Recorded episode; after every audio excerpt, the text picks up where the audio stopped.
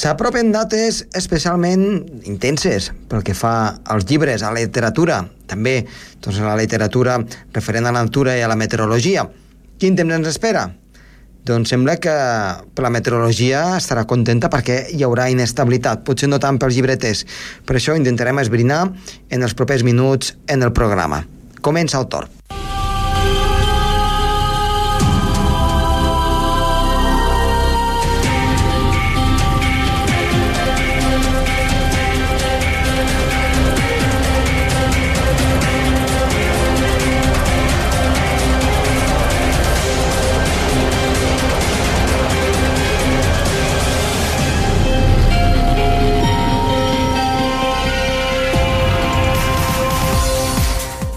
Bona tarda, moltes gràcies per estar doncs, una jornada més darrere del seu transistor, per internet o, per què no, des del seu vehicle.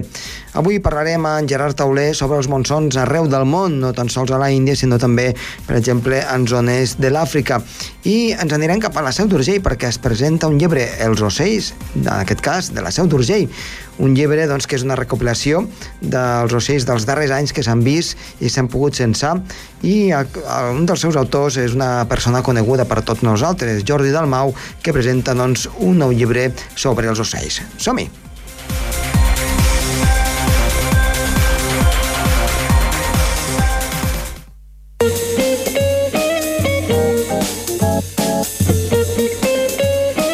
Iniciem el programa amb Gerard Tauler. Gerard, molt bona tarda.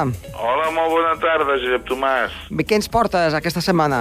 Els Monzons. Els monzons, esperem no quedar inundats, eh? Però explica'ns, Sí. explica'ns, de... com es formen aquests monzons? Es formen pel diferent escalfament del terra i del mar en funció de l'estació de l'any. Així a l'hivern el, el terra està molt més fred que el mar hi ha una divergència de vents entre el terra i el mar. El, el, els vents bufen de terra cap a mar i les temperatures mo, molt baixes damunt de l'anticicló de, de, de Sibèria, que hi ha al nord d'Àsia, uh -huh.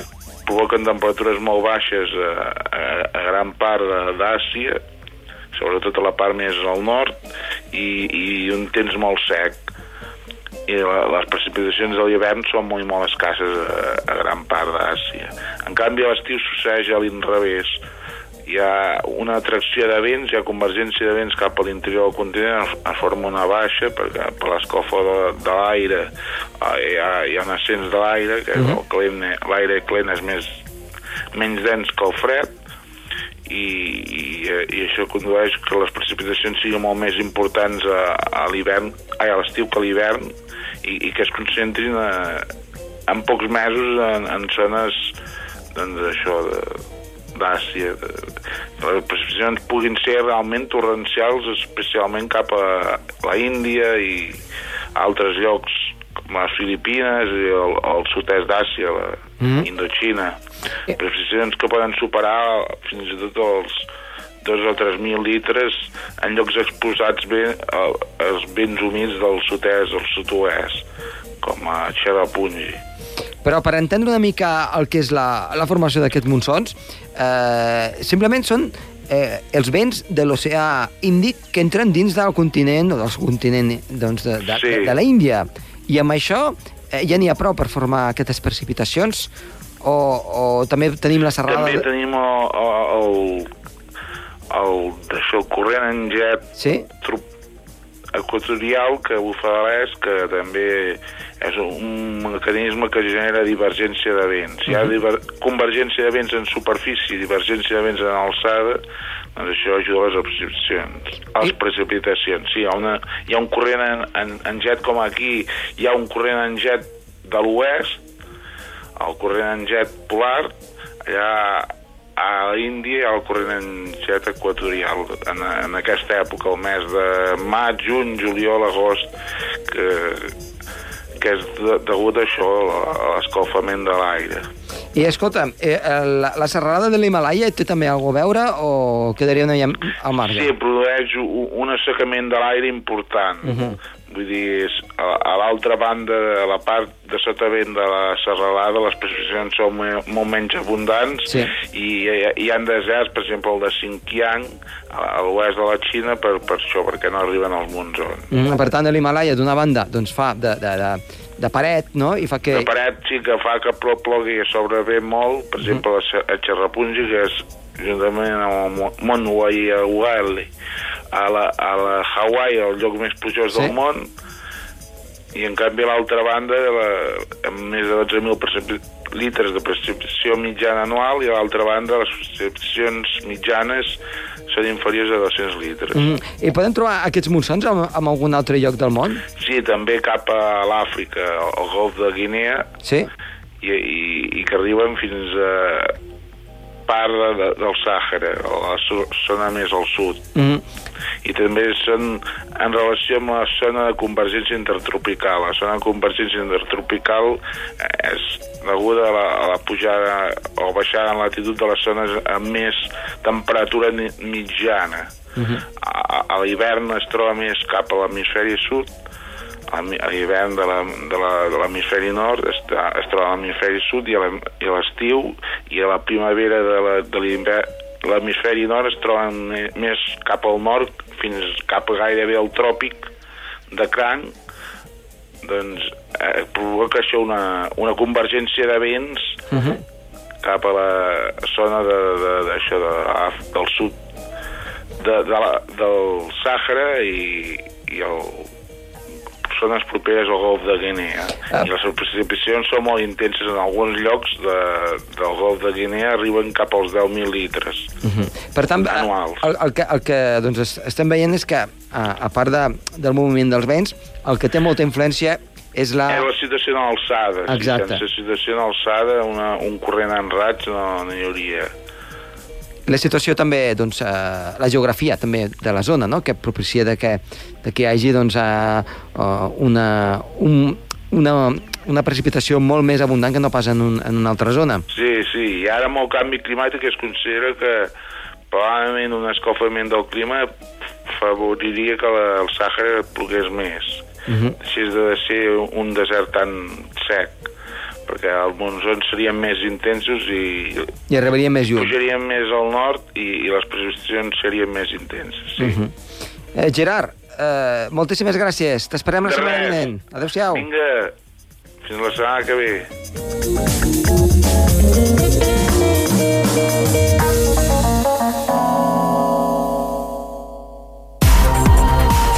El torn amb Josep Tomàs.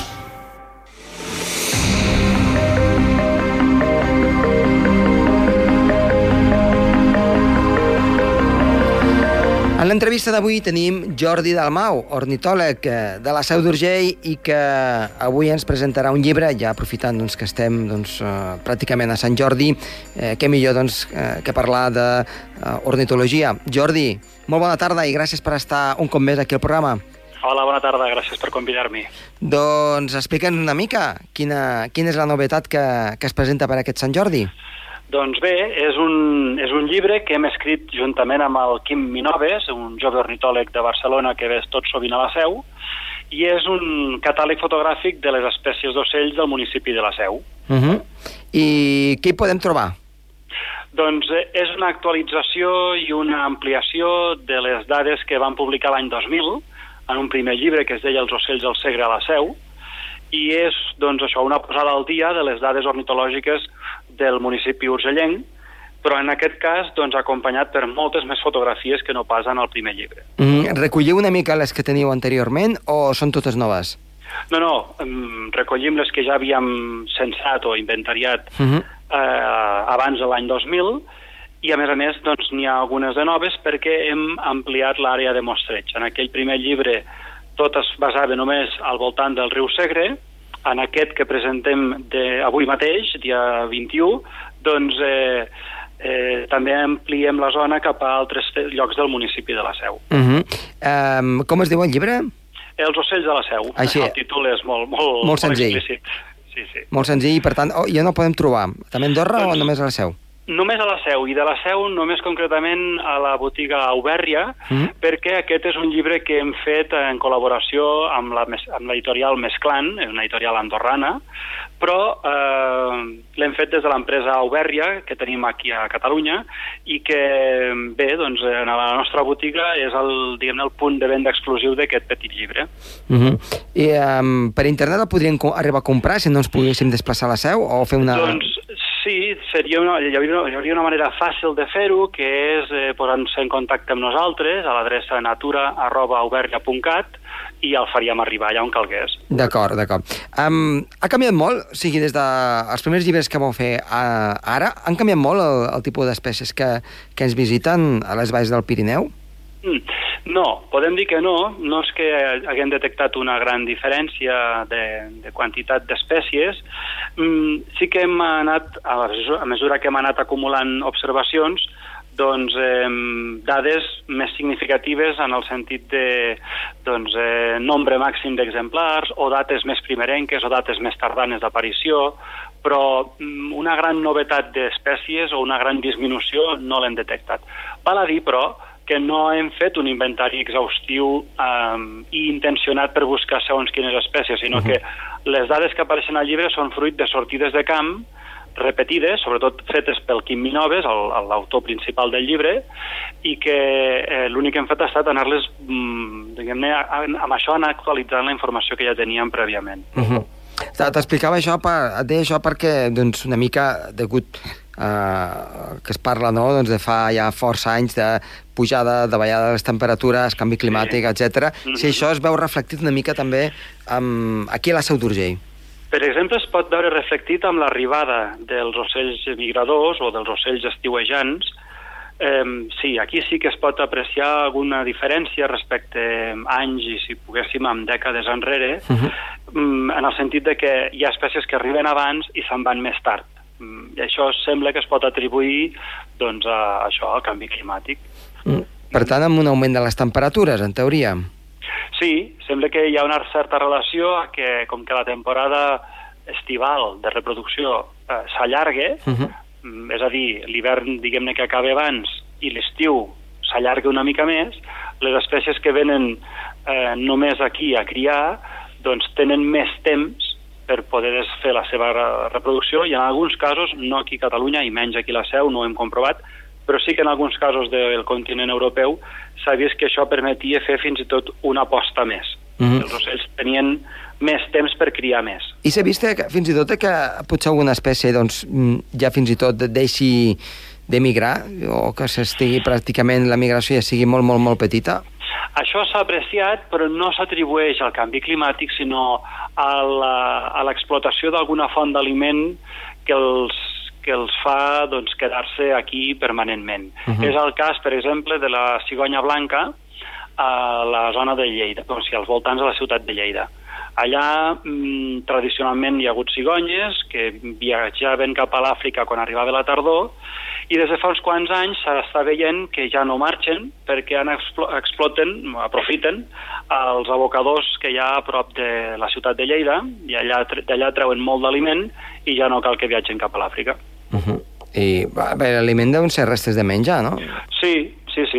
És un ocell bastant oportunista sí. i que aprofita doncs, restes de menjar, que hi pugui haver els abocadors. També aprofiten molt els sembrats perquè hi ha molta cuca, molt, molts insectes, uh mhm. -huh. però especialment els abocadors, sí, sí.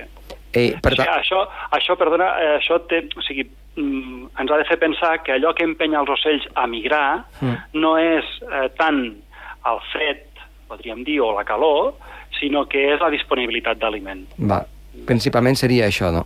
Sí, sí. Que val a dir que aquesta disponibilitat d'aliment sovint mm, està supeditada al tipus de temps que faci. Imaginem-nos un ocell insectívor doncs eh, si fa fred no hi ha insectes, si no hi ha insectes eh, ha de migrar. Clar. Vull dir que sí que el, el temps hi té a veure, però la causa principal, directa, és la disponibilitat d'aliment. I, i, I normalment aquests ocells, eh, clar, és, és molt ampli, no?, això que et diré, però quina, la migració de, dels ocells que estan, doncs, en aquest cas, a la Seu, cap on, on van a parar?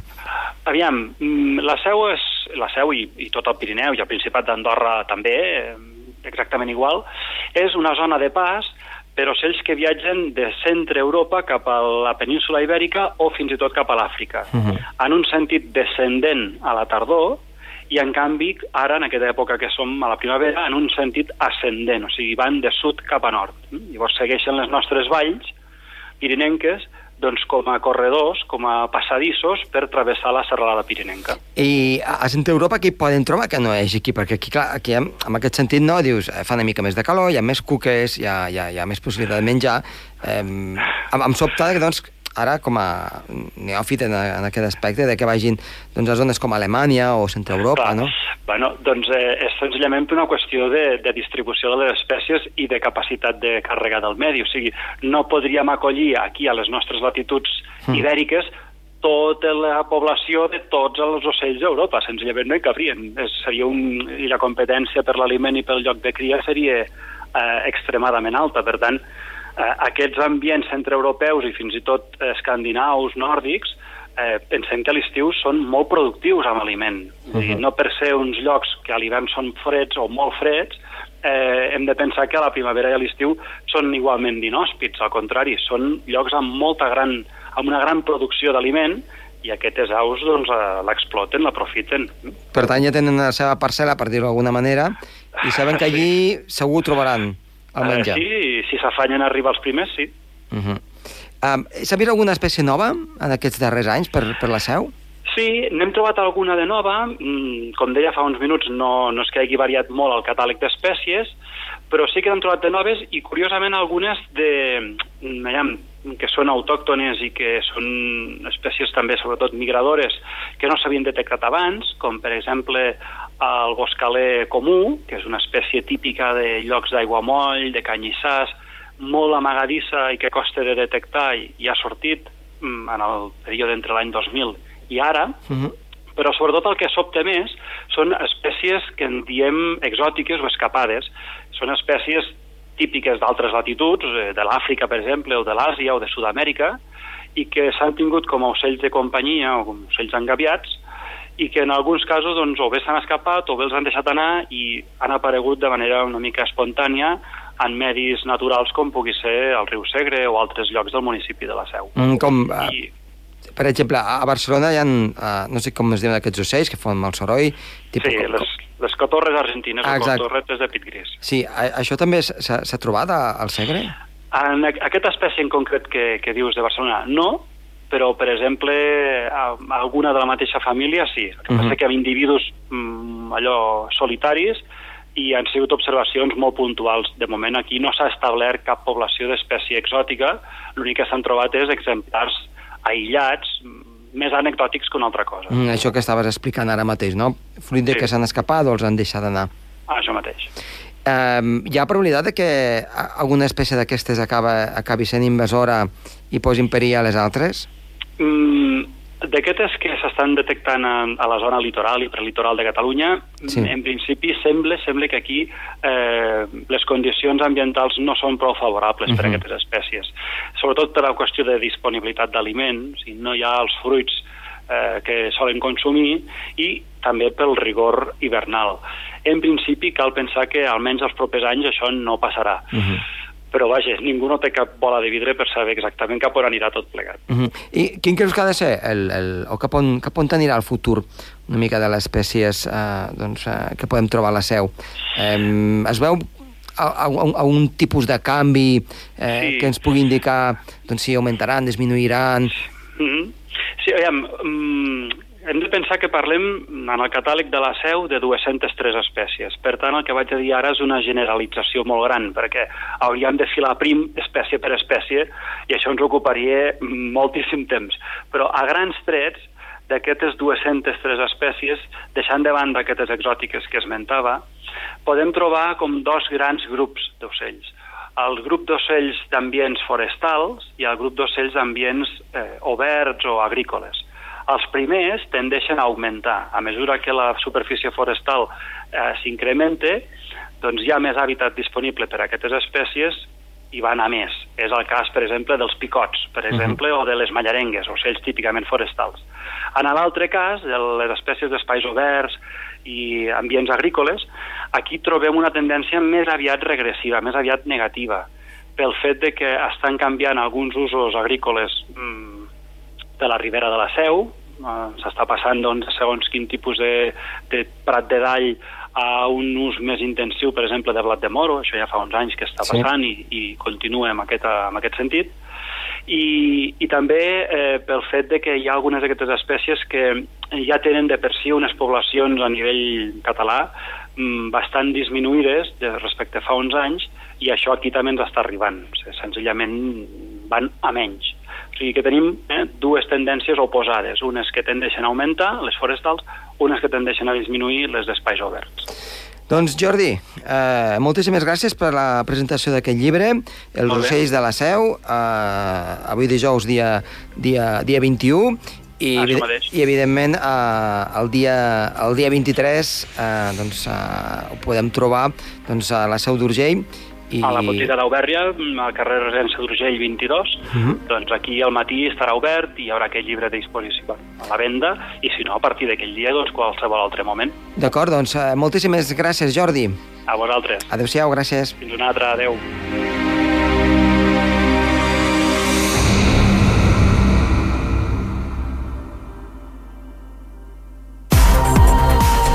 El torn, amb Josep Tomàs. Doncs anem a veure quin temps ens espera per a aquest cap de setmana, un cap de setmana doncs, en què hi ha moltes activitats a l'aire lliure i que sembla doncs, que ha de ser eh, primaveral amb el sentit d'inestabilitat. Així doncs, eh, al llarg de dissabte al matí encara es preveu una mica de sol, però ja a partir del migdia i al mig matí, núvols que creixen amb rapidesa i al migdia alguna primera precipitació que la tarda pot ser de moderada intensitat, amb una cota de neu cap als 2.200-2.300 metres. Per tant, atenció, s'han d'anar a la muntanya perquè més aviat fer-ho primera del matí, després sembla que la inestabilitat guanya terreny i, per tant, la visibilitat als cims ha de ser dolenta, amb vents que puntualment poden ser moderats i variables degut a aquests rojats, amb aquestes tempestes que es formen doncs, normalment en aquesta època de l'any. Diumenge, per, per contra, la situació serà ben diferent, no amb el tema d'inestabilitat, sinó sí en, en la situació meteorològica. Doncs eh, girarà, girarà a nord, això voldrà dir que baixaran les temperatures i força, ho faran molt a tot el que és eh, centre Europa i de retruc també arribaran als Pirineus. Això voldrà dir que a la cara nord els núvols aniran augmentant i s'esperen dèbils nevades que aniran fent al llarg del matí fins primera hora de la tarda. La cota neu pot baixar fins i tot cap als 1.100-1.200 metres. De fet, s'espera que a Parroques Altes pugui aparèixer potser algun floc de neu i a la resta únicament nuvolositat variable, però sí que a l'alta muntanya el fred serà més viu, amb una isoterma de 0 graus situada cap als 1.500 eh, metres i, com diem, a cotes elevades amb nevades que poden impedir la visibilitat i vents de nord que seran moderats a forts. Per tant, precaució, eh, doncs trobarem unes condicions més, més aviat d'hivern a l'alta muntanya i, per tant, molt variables variables molt diferents del que podem trobar al fons de vall. Així doncs, com poden observar, un cap de setmana força variable, amb un dissabte doncs, amb aquestes precipitacions que esperem a partir del migdia, i un diumenge amb temperatures més baixes i alguna nevada cap a la cara nord.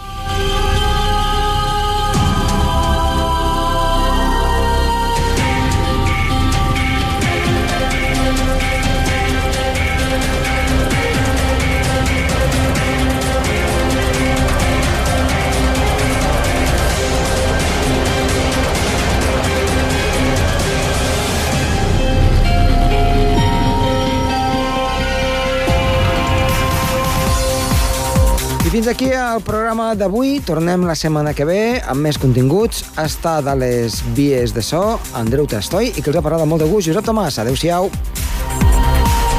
El torn amb Josep Tomàs.